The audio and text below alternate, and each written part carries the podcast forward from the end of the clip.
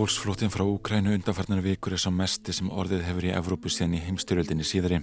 Um 11 miljónir úkrænumanna hafa orðið að yfirgefa heimili sín frá því að innrás rúsa hófst 24. februar og metfjöldi flótafólks kemur hinga til lands. Úrvinda fólki letað friði sem á langt ferðalega baki. Frá áramótum hafa rúmlega 1100 einstaklingar sótt um alþjóðlega vend á Íslandi og hafa þeir aldrei verið fleiri á jafn skömmum tíma. Um 730 einstaklingar með tengslið Úkrænu hafa sótt um vernd, þar af tæplega 400 konur, um 130 menn og rúmlega 200 börn. Í þessum þætti verið fjallega um málefni fólks á flóta. Það sem af nægur að taka verið þátturinn í tveimur hlutum. Í dag skoðu hvernig tekið hefur á móti fólki sem flúið hefur hingað til lands undan stríðinu í Úkrænu og heyrum sögur nokkura þeirra. Í setni hlutanum, sem var á dagskrá að morgun á förstu daginn langa, er fjallað almennt um stöðu flóttafólks og hælisleitinda hér á landi, aðbúna þeirra og ferðli við að sækjum hæli og aðalegast íslensku samfélagi. Þá veltum við upp áleitnum lagalögum og siðförlum spurningum og lítum um auksl og spyrjum hvort Íslendingar hafi alltaf verið hikandi eða hreinlega mótfallnir því að fá fólk á flótta hinga til lands. Jáframt heyru við átakanlega sögu ungsmanns frá Bangladesh sem býr á Ásbrú í Reykjanesbæ en að veru líklega sendur úr landi á næstu missurum ásamt fjölskyldu sinni. En byrjum í Úkrænum rússar hafa náða sitt vald hérum í norður, austur og söðurlöta landsins sem eiga landamarað Rúslandi og Kvítarúslandi eða likjað Krímskaga. Einna vest hefur staðan verið í Hafnarborginni Mariupól þar sem töyir þúsunda hafa fallið og ekki stendur steitni við steini lengur. Til að varpa ljósa á aðstæðunar sem úkrænumenn búa við heyrði ég í Jelenu Papófu. Hún er 67 ára og starfaði sem ennsku kennar í Mariupól áður en innrás og rúsa hófst og allt breytist. Þegar við rættum saman var hún nýkomin yfir landamærin til Pólans eftir að hafa flúið borgina.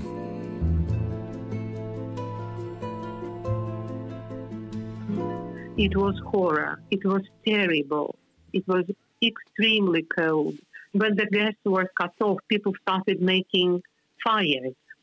Þetta var hryllingur. Uh, Aðstæðunar voru hræðilegar. Það var gífulega kallt Þegar það var skrúa fyrir gasi þurfti fólk að kveikja eld.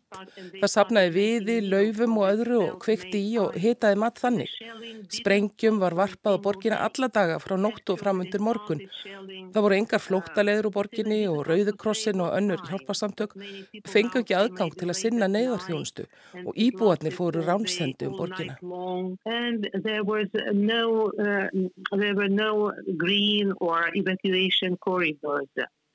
Uh, because um, the Red uh, Cross uh, buses and humanitarian help were not allowed to enter Mariupol. Um, looting started. People, people. Um, of course, there was a lot of destruction around.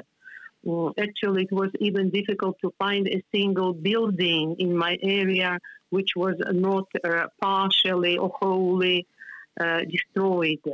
Eðileggingin var mikil. Rauna var erfitt að finna byggingu í mínu hverfi sem var ekki annarkvort skemmt að hluta eða alveg eðilögð. Glerbrot lága á víð og dreifum göturnar og sömulegist hlutar á svölum sem hefðu hrunið. Jörðin var þakkinn grjóti og málmi en hryllilegast fannst mér að sjá í fyrsta skipti lík rétt hjá húsinu mínu. Ég áttaði mig ekki á því hvort maðurinn hefði látið lífið í átökum eða hvort hann hefði svirt sig lífi.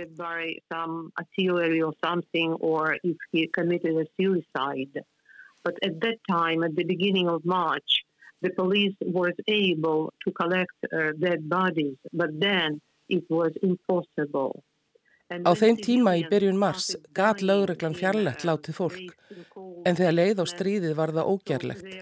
Þegar íbúar dói í köldum kjöllurum borgarinnar þurftu ættingjar og nágrannar að flytja þá í skói næsta nágrenni og annarkvort setja líkin þar á jörðina eða grafa hálfgerðagröf og skilja eftir upplýsingar um nafn og dánardag.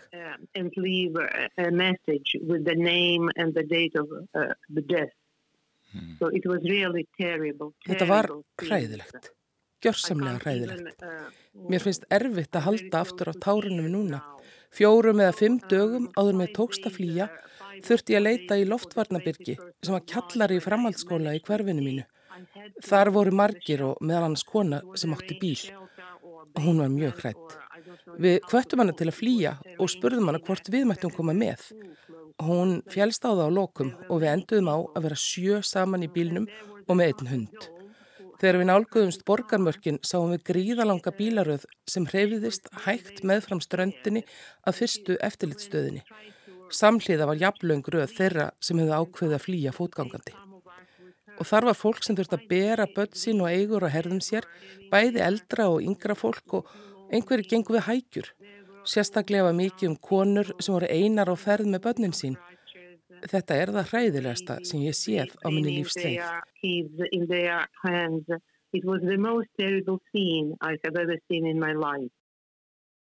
Uh, uh,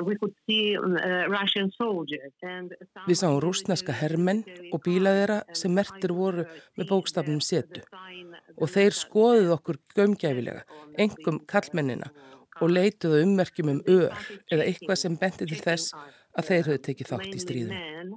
They asked men to strip to the waist and uh, thoroughly examine their bodies. They were looking for maybe some scars or some signs of them using um, weapons. Um, Þegar ég fór frá Mariupól hafði húsið mitt ekki orðið fyrir skemmtum en þá voru fáir eftir í hverfinu, afar fáir. Og ég veit að margir földu sig í kjöllurum húsa Það er ómögulegt að segja til um hversu margir eru það renn og það voru mörg börn. Í kjallarannum í mínu húsi var til dæmis fjögur mánu að gamalt barn með mömmu sinni og pappa og aðstæður þeirra voru hræðilegar. Það var ekkert vatn, ekki nægu matur og þau þurfti að vera þar mestu í myrkri og miklum kulda. Water, with very scarce supply of food, mostly in darkness and in, in cold. Í vestur frá Mariupól í átta landamænum Pólans er borgin Saborossia og margir flótamenn leita þangað. Þar býr Karl Þormáðsson sem hefur reglulega þurft að fara í neðanjarðarbyrgi á síðustu vikum. Því sem ég best veit þá hefur svona, það gengir frekar ítla að koma fólkinni hingað upp eftir í borginu hjá okkur en held að þessi komin einhvern 30.000 manns eða svo. Það leggja allir á eitt að reyna að leta lífið fyrir þetta fólk.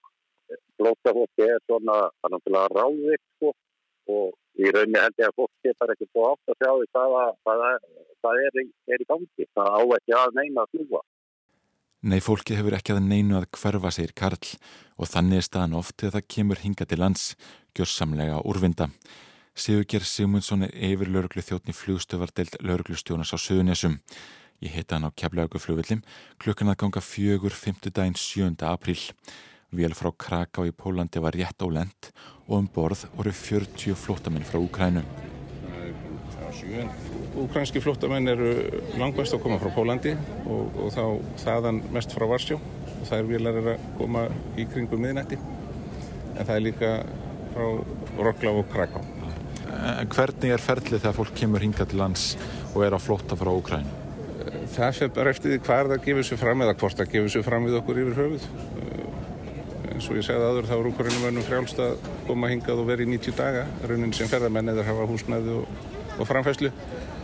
En ef það gefur sér fram við okkur að þá frá með deginum í dag þá erum við búin að flýta ferlin á þeim.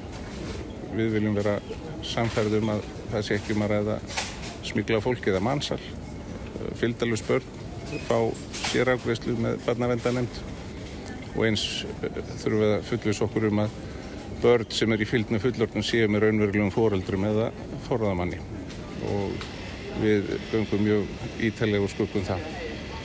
Við erum ekki að spyrja út í heilsufar eða eh, söguna í Ukrænu, hvað það var að gera þar og slíkt heldur bara grunnupplýsingar, skráningu úr vegabrifi og uh, vísa þeim svo áfram í búsetúraði. Frekari upplýsingataka, myndataka og slíkt fer svo fram í Dómusmytik. Þannig að þetta er unni svipið forskráning hér og var í COVID? Já, það sem við erum að, að byrja að nota núna, allt kerfið er, er QR-kóði, uh, nákvæmlega eins og var í COVID. Það kerfið var bara uppfært fyrir flóta fólk frá Ukrænu og uh, þeir sem að nota þennan QR-kóða þeir detta beintin á fórskráninga síðuna eins og var í COVID nema hún snýr núna að skráningum fólks frá Ukræn og þá fyrst og fremst helbreyðs upplýsingum og slíkum. Og þetta flýtir mjög fyrir afgreifslunni á Dómus Medica þegar fólk kemur þangað ef það er búið að, að nýta sér þetta og það er þegar byrjað, aðeins að við séum búin að auglýsa þetta. Þetta verðist ganga á, á Facebook síðum ukrænskra flottamanna sem hafa komið hingað. Hvaða upplýsingar fær þetta fólk það kemur yngur til lands? Þú varst að rétta mér hérna að fjögublað með öllum helstu upplýsingum. Hvað segir á þessu blaði? Það segir uh, annars vegar að það sem ég sagði án að það getur komið og verið hér í 90 dagar sem ferðið menn eða hefur húsnæð og framfæslu.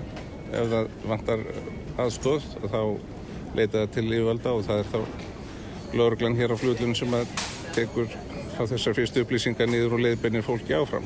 Hefur samband við útlendingastofnun finnur þá út hvaða húsnæði er löst hverju sinni, þau, þau fyllast ansið hratt og svo er að útvega flutning í bæinn sem eru þá í flestum tilfellum leigubílar.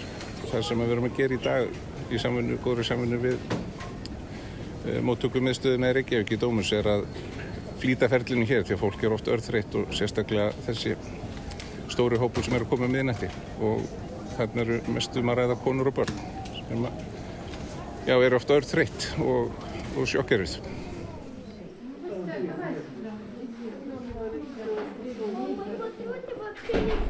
Frá flugvillunum er haldið í húsnæði Dómus Medica við Egilsköti í miðborg Reykjavíkur.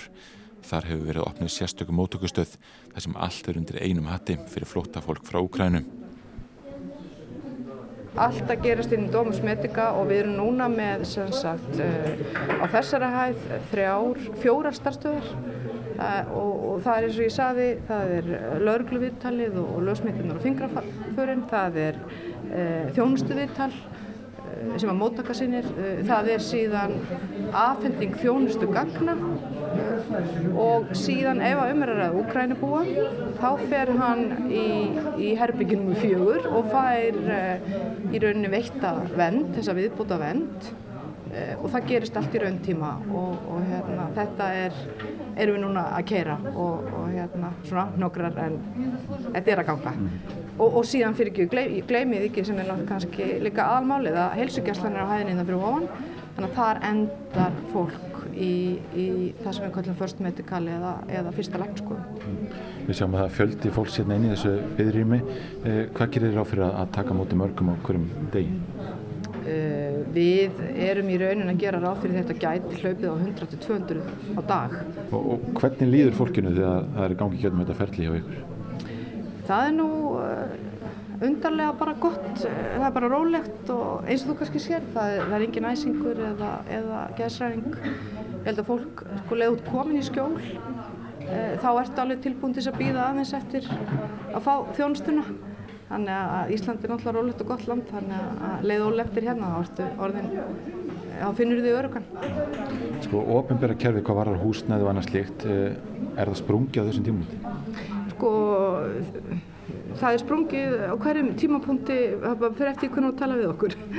Og þú kannski fylgist með því að Hotel Saga var tekinni í gagni fyrir helgi og, og þar voru þar voru, hérna kemur Gilvi, til, og þar voru áskoranir, ég meina það bara gengur þannig fyrir sig að, að þegar eitthvað nýtt er í gangi að, og, og það hlaupir hratt, að þá hérna, eru ákveðin atrið sem sjáum mikið.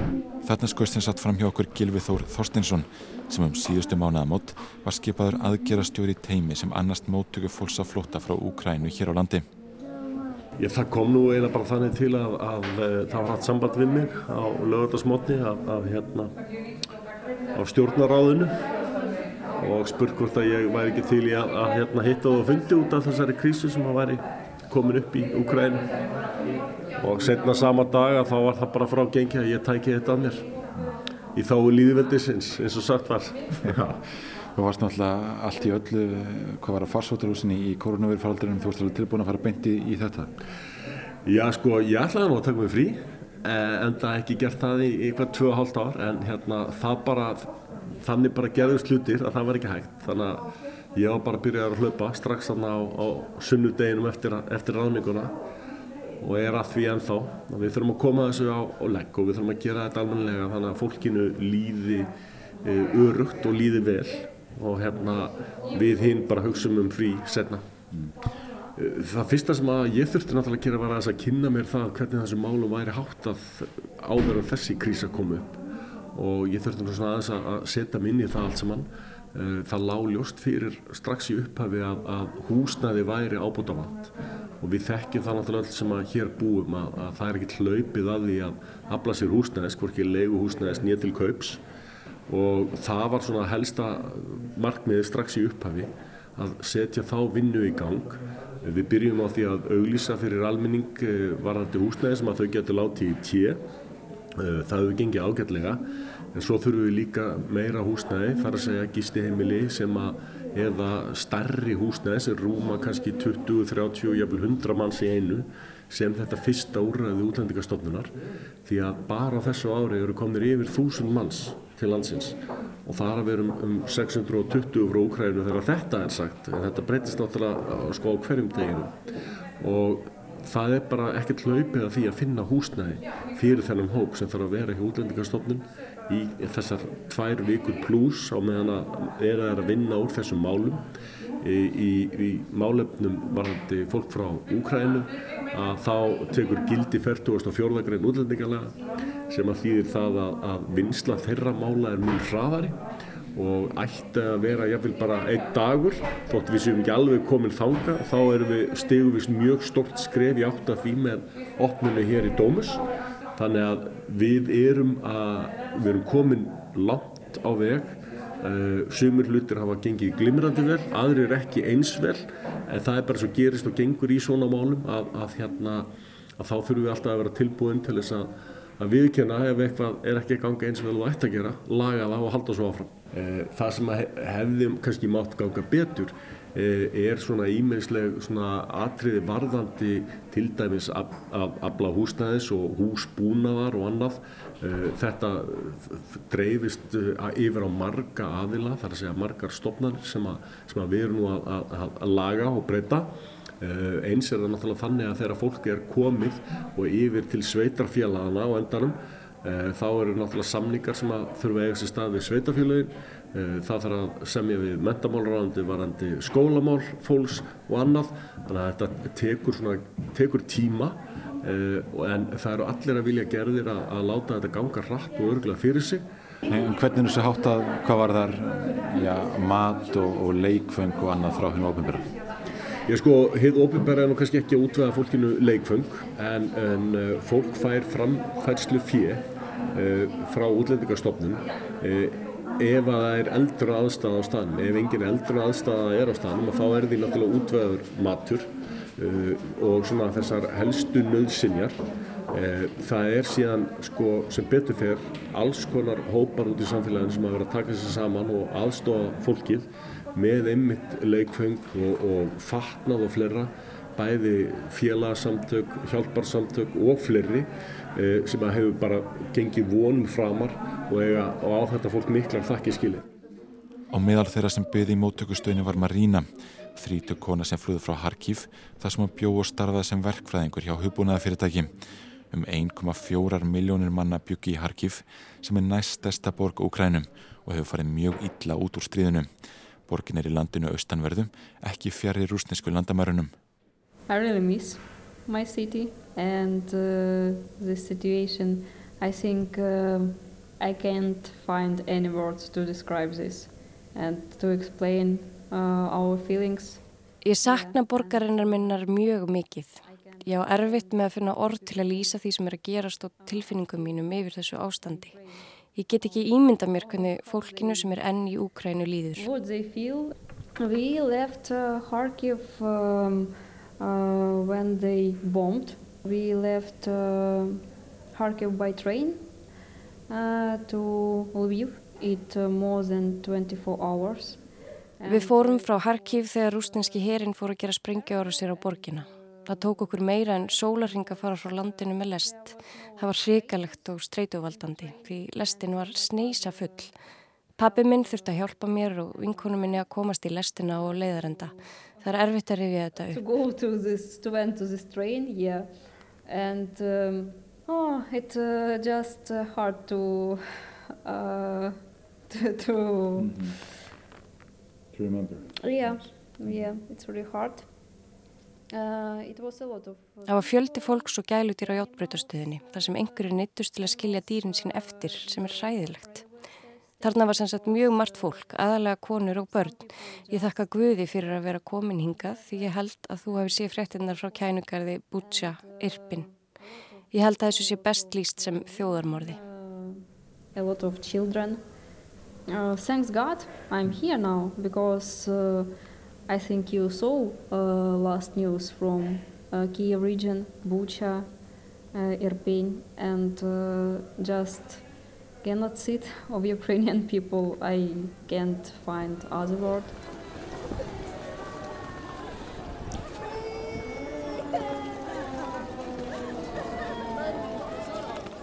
Kalla hefur verið eftir því að rússar verði ákjærðir fyrir stríðisklæpi í Bútsja. Þar fundust mörg hundruður lík almenna borgara í fjöldakörfum og liggjandi á götum úti. Ástandið er lítið skára í Irpin og Harkiv. In Kharkiv now also they are bombing uh, now because uh, my father still in Kharkiv, my grandma, uh, yeah, my aunt and my cousin. Rússar er að gera sprengju ára sér á Harkiv. Fadir minn, amma, frænka mín og frændi eru þar enn. Ég held að þau geta ekki flúið það núna. Það er orðið ómögulegt eða allavega mjög hættulegt að flýja frá ákveðnum svæðum. Þess vegna eru þau enn í Harkiv. Ég ringi í þau á hverjum degi, alla morgna og öll kvöld bara til þess að heyra rattina þeirra. Every morning, every evening, yeah, just to hear their voices. yeah. Að sjálfsögðu hef ég miklar áhyggjur af þeim. Ég vona að ég finni leið til að gera þeim kleift að komast frá Harkiv. Mér langar mjög mikið heim því ég er fætt í Harkiv og í heiðarleika sagt lifðum við fullkomnu lífið þar með vinnu, vini og ferðalög og ég veit ekki hvers vegna við lendum í þessu. But I will find some ways. I really want go home because uh, I was born in Kharkiv, yeah, and uh, uh, to be honest, we all uh, had a perfect life with uh, work, with friends, with traveling a lot around the world, and uh, I don't know um, why why this situation uh, became to our lives. Ég spyr Marínu hvort hún hafi hirt sprengju drunurnar þegar hún flúði frá borginni. Já, auðvitað. Þetta var nálagt okkur. Þegar við fæðminn vorum í loftvarnabyrginu, heyrðu við í sprengjum sem fjalli um 15 kílometra frá okkur. Þetta var hræðilegt. Við gátum ekki sofið, ekki borðað. Uh, we heard this when they were maybe um, 15 kilometers and it was like uh, it, it's near us and uh, yeah it's awful you can't sleep you can't eat about my house i'm not sure because uh, Ég veit ekki með ástandi á húsin okkar en ég veit að það hafi verið gerðar sprengju ára sér á hverfi mitt. Nú er ég komin hingað og ég ætla að reyna að finna vinnu til að geta búið hér í einhver tíma þar til stríðinu líkur. Just to live here some time, some period, yeah, till the war ended.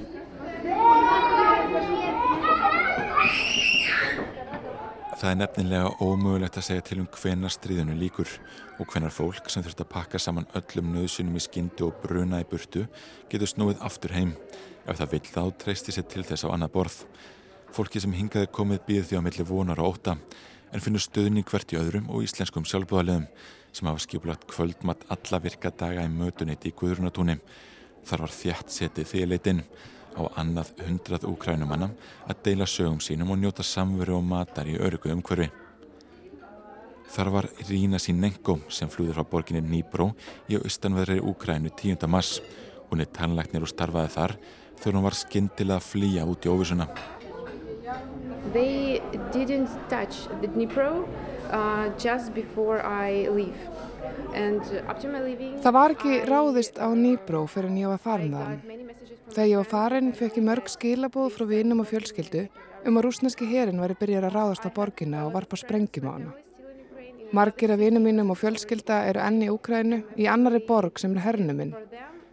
Nún er ekki hægt að komast þangað. Uh, in, uh, in Dnipro, uh, They're still trying to work and, and they are trying to live normal life, but of course it's very difficult, but they are trying their best. Í Nýbró eru líka enn vinir og samstarfsfólk sem reyna að sinna starfi sínu og lifa hefðinu lífi. Það er sjálfsögum mjög erfitt en þau gerir sitt besta. Ég bjóðst aldrei við því að ég myndi lenda í stríði á 2001. öldinni og öllum hryllingnum sem fylgir því. Ég bjóðst aldrei við að ég myndi þurfa að flýja og flytja annað. Um, and it's, uh, for now, it's a little bit difficult to realize that I'm in another country. I will need to try to start my life. Það er erfitt að átta sig á að ég er í öðru landi og ég þurfa að byrja lífið aftur frá grunni. Ég skildi allt eftir, vinnuna, fjölskylduna, vinnuna. Ég á nánast ekki neitt hérna en ég ætla að gera mitt besta og við sjáum hvað gerist. Þegar stríðinu líkur og þegar landi verður endurbyggt, þá vona ég að ég geti snúið tilbaka. I think uh, when the war ends and um, when our country will be rebuilt, I hope that, uh, that I will be able to come back. Yeah. Alóna flúði frá kænugarð með dóttu sinni. Kunningi hennar hvati hann alltaf að koma hinga til lands.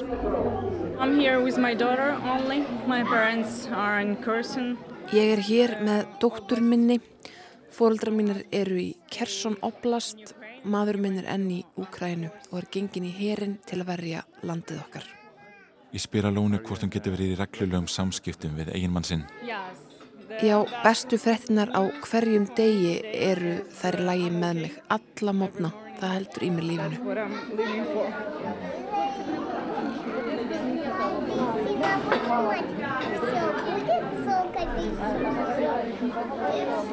Dóttir hennar um fimm ára gömul reyndi ítrekkað að ná aðtekli móður sínar meðan á viðtalinu stóð. Saying yeah, uh, was... she's missing home. Her brother.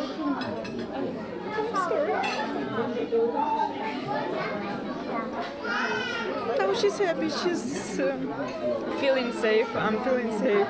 Um, because of uh, big stress. She... Hún saknar heimilisins okkar og föðusins afsakið. Hún er samt á hamingjusum. Henni finnst hún vera örug og mér líka. En vegna streitu hefur hún nokkur sem morði veik sem við komum yngað. Hún er þó að ná sér. Fyrstu tíu dagana eftir innrásina voru við á flótta í Úkrænu. Þessar tíu daga gati ég ekki grátið. Ég beð bara eftir augnablíkinu sem við erðum örugar. Við földum okkur á ferðamannastað fyrstu dagana og eftir það fórum við til vestur Úkrænu. Fórum svo yfir landamæri Rúmeníu og síðan tókum viku að komast hingað. Það var ekki auðveld. And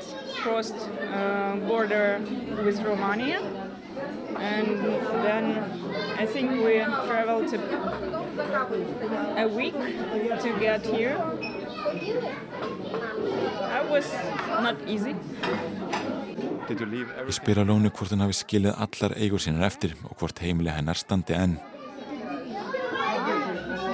Sorry. Já, afsakaðu. Ég heyrði nýlega að það var í lægi með það en ég er ekki viss núna. Það getur hvernig sem er verið lagt í rúst. Ég vil fara heim en ég veit ekki hvenar það verður hægt.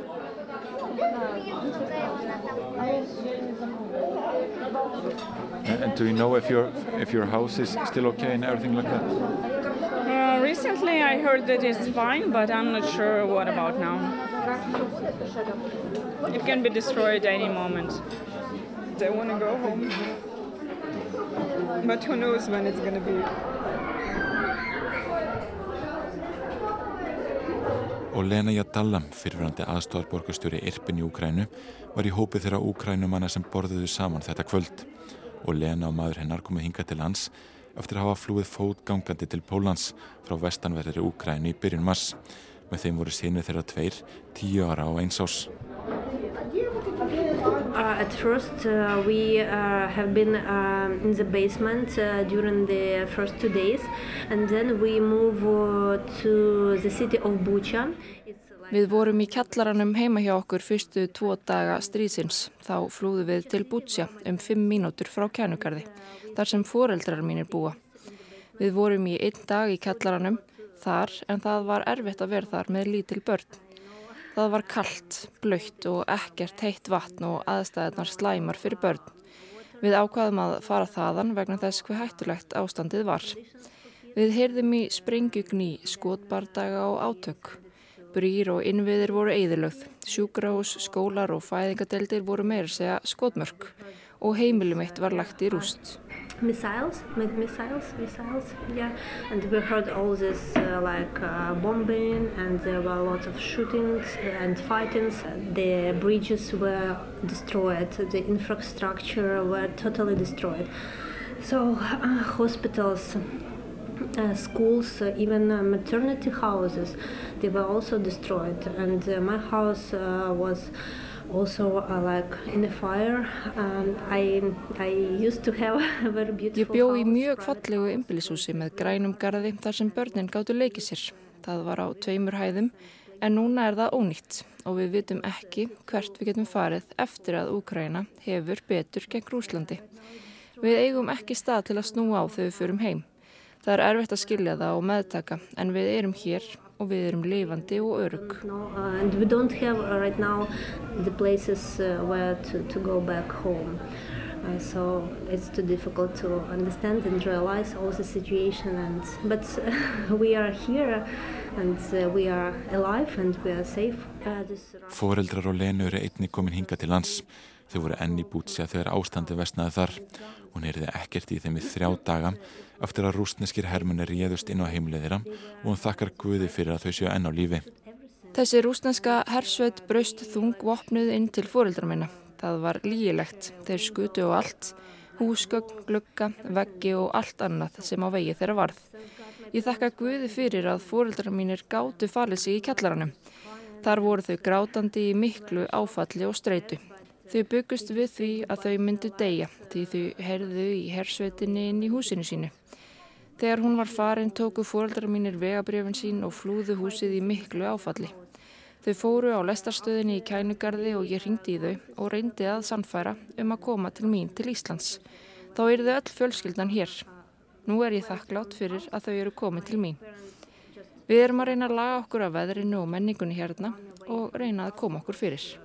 Were too shocked and stressed. And uh, they were evacuated to Kiev railway station. And then I just called them and um, tried to convince them that they should come to, to me, to Iceland, and we will be like the whole family here. And I'm happy now that they are with me, and uh, uh, we uh, we are trying to adapt here to this weather condition, to this uh, culture, local culture, and uh, try to. Um, try to try, try to live and try to to be here, yeah. Um 4,5 miljónir barna er í hópi þeirra fjölmörgu sem flúið hafa heimili sín í Úkrænum frá því að rúsa réðust inn í landið. Brúna 200 eru komin hinga til lands, þar hafa nokkur fylgdalaus. Í hátún í Reykjavík hefur verið mikið líf undarfarnar vikur. Þar er atkvarf fyrir úkrænsk börn og fjölskyldu þeirra, fimm daga vikunar og bóður upp á morguverð og hátegisverð, aðstöð fyrir fóreldram og leikfeng fyrir börnin. Þar vinnur Konstantín Stroginov. Hann er uppalinn í Úkrænum en hefur búið á Íslandi með hljöfum síðan hann var 17 ára. Þetta er bara hræðilegt sko út af uh, ég, uh, ég er mik já, mikið vinnir sem er uh, eða hjálpa herjum eða í herjum eða meiðist eða dáinn svo bara, þú veist það er bara uh, það er bara hræðilegt sko. Það er hervikt að útskýra sko. Uh, sérstaklega eftir uh, frektir sem var í gerð frá Búcha og ég hræður að það er eitthvað svona eitthvað svona hræðilegri en Búcha framundan sko. Við vitum ekki bara núna en fyrir miður já og þú kemur frá Fraklandi sem sagt núna til Íslands já. og hefur verið að hjálpa Ukrænufólki uh, ég? Já. já, já, auðvitað þetta er markmið mín var uh, flug tilbaka til Íslands út af ég uh, ég kann Ísland mjög vel ég á mikið vinir og Ísland núna er besta staður farum ég get verið useful notaleg sko. ég, og ég og ég tilfinna mig uh, sko, örugt hér líka á fjörsköldu mín Já. Uh, þú hefur verið í samskiptum við fólk sem er að koma frá Úkrænu uh, hvernig gengur að hjálpa því og, og, og hvernig líður fólki sem er að koma beint þaðan? Er ég núna hjálpa í okkar svona kids center hér í Philadelphia kirkju við erum að passa eftir, passa eftir börn leika með þeim bara gefa þeim mat og leikfang og passa þeim vel. Já. Þetta er, þetta er my uh, project sko. My mission. Já, já. Og hvernig líður börnunum? Uh, ég held þau bara líður miklu betra en uh, núna þau get líða í, þegar þau voru í stríð. Til dæmis í gæðir það var strakkurinn hjá okkur sem það, hann fá frektir frá og að það er uh, íbúð hérna íbúð hans sprengjas sko, bara alveg, bara bóm þú veist og hann var í mikið sjokki sko. en samt hann er á lífi hann er örugt og já, ég held það er miklu betra fyrir þeim núna hér. Já. stundum þau er stressaður. Uh, nokkrar, nokkrar börn er erfiðir. En uh, við erum skilja alveg af hverju þau er erfiðir. Svo við erum að bara reyna að passa vel um þeim það er bara, þau er bara mjög góður, mjög góður drengir. Vi, við elskum þeim allir, skipta ekki máli þau erfiður eða, eða ekki. Natalia Kasakova er með dóttu sinn í hátunni. Þau hafa nýlokju við hátegisverðin og börnin eru aftur farin að leika sér.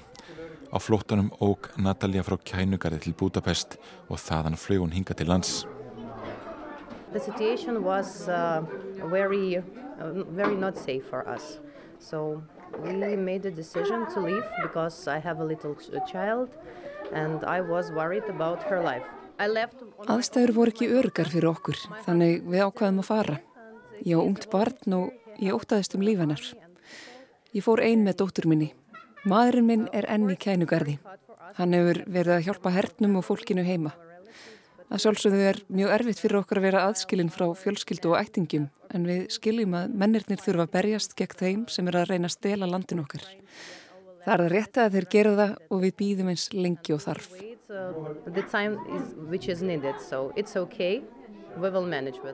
Natalia segir að það sé heppilegt að dóttir hennar sé enn svo ung að hún átta sé ekki fyllilega á því sem er að gerast.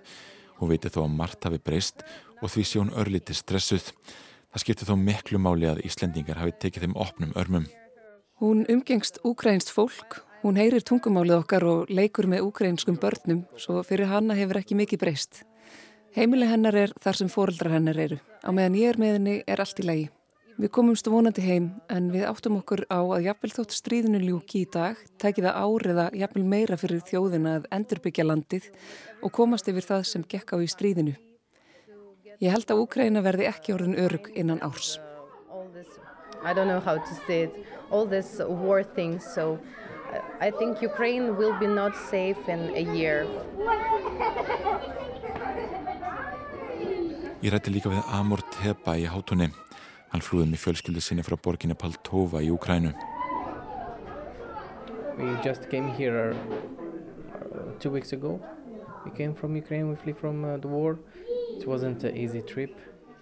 Við komum hingað frá Úkrænu fyrir um tveimur vikum. Það var ekki auðveld ferð, við sáum sprengju árásir og aðra klikkaðar hluti, en okkur tókst að komast til Íslands. Ég kerði næstum 900 kílometra með fjölskylduna að landamærum Moldófu. Síðan fórum við til Rúmeníu og þaðan til Ungverðarlands, Slovakíu og loks Östuríkis. Þaðan flugum við til Íslands. We left on the first day, on the 24th, uh, 24th of February, um, in the morning, I remember. Uh, it wasn't um, at the moment. It was a little bit of panic because we just got the news in the morning. Við lögum að staða 24. februar að morgni til. Á því augnabliki voru margir gripnir hræðslu.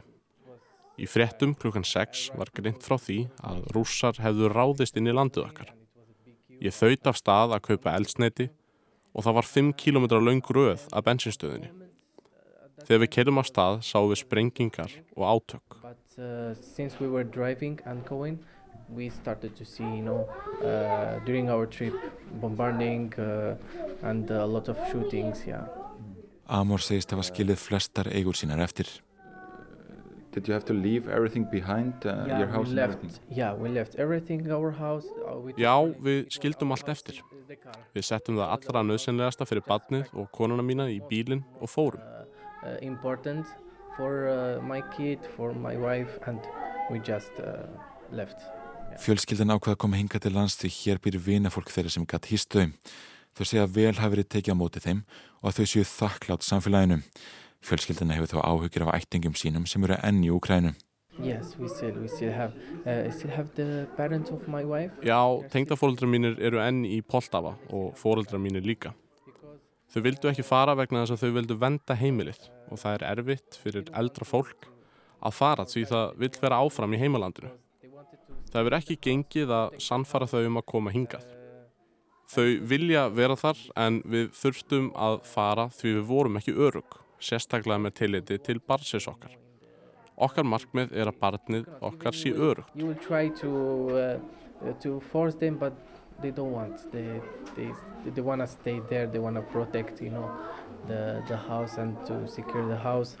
And for us, we have to move on because it wasn't secure. It wasn't safe for us to stay. Especially, we have a child, so it, it was it was uh, our our most target is to uh, to put our child in a safe zone. You know. Á hverjum degi ringjum við og spyrjum hvernig ástandið er hjá þeim og ég þakka Guði fyrir að það er rólegt þar eins og er. Það eru sprengingar næri þeim en þó ekki í borginni og það er gott. Við sjáum í fréttum að margar borgir eru alveg eðilagðar og hafa verið lagðar í rúst. Many cities they are totally destroyed, totally devastated. Uh, yeah. Og þegar ég spurði Amor hvort hann ætli aftur til Úkræna að loknu stríðinu, fekk ég sömu svör og ég hafði fengið frá nánast öllu öðru fólki sem hefur lagt á flótta eftir að innrásin hófst. Þau vilja fara heim en óvissan er algjör. Núna myndu okkur langa að fá fóreldra okkar hingað til að vera örug. Í augnablikinu getum við allavega ekki farið aftur til Úkrænu því það er ekki örugt.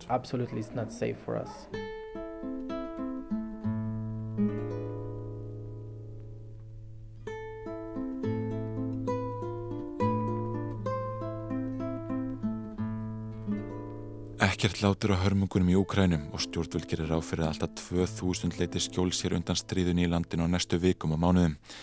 Veröld þess að fólks hefur snúist á kvolf og ljóst er að það tekur tíma að ná sér af þessari reynslu. Það kemur hluti íslensk samfélags og stjórnvalda að taka utanum þetta fólk og breyðast við til að gera þeir sem þurfa að flýja út í óvissuna auðveldara fyrir. Í næsta þætti á flótam fórum við einmitt yfir hvernig íslensk stjórnvöld hafa staðið síð því hinga til, fórum yfir útlendingar lögjöfina og ferðli við að aðlegast íslensku samfélagi og sækja um hæli. Þetta eru mikilvæga spurningar því margt bendir til þess, alveg óháð stríðun í Ukrænu, að flóta fólki og farendum haldi áfram að fjölga verulega, samlega lofslagsbreytingum og baróttu fólksum lífsgæði og völd.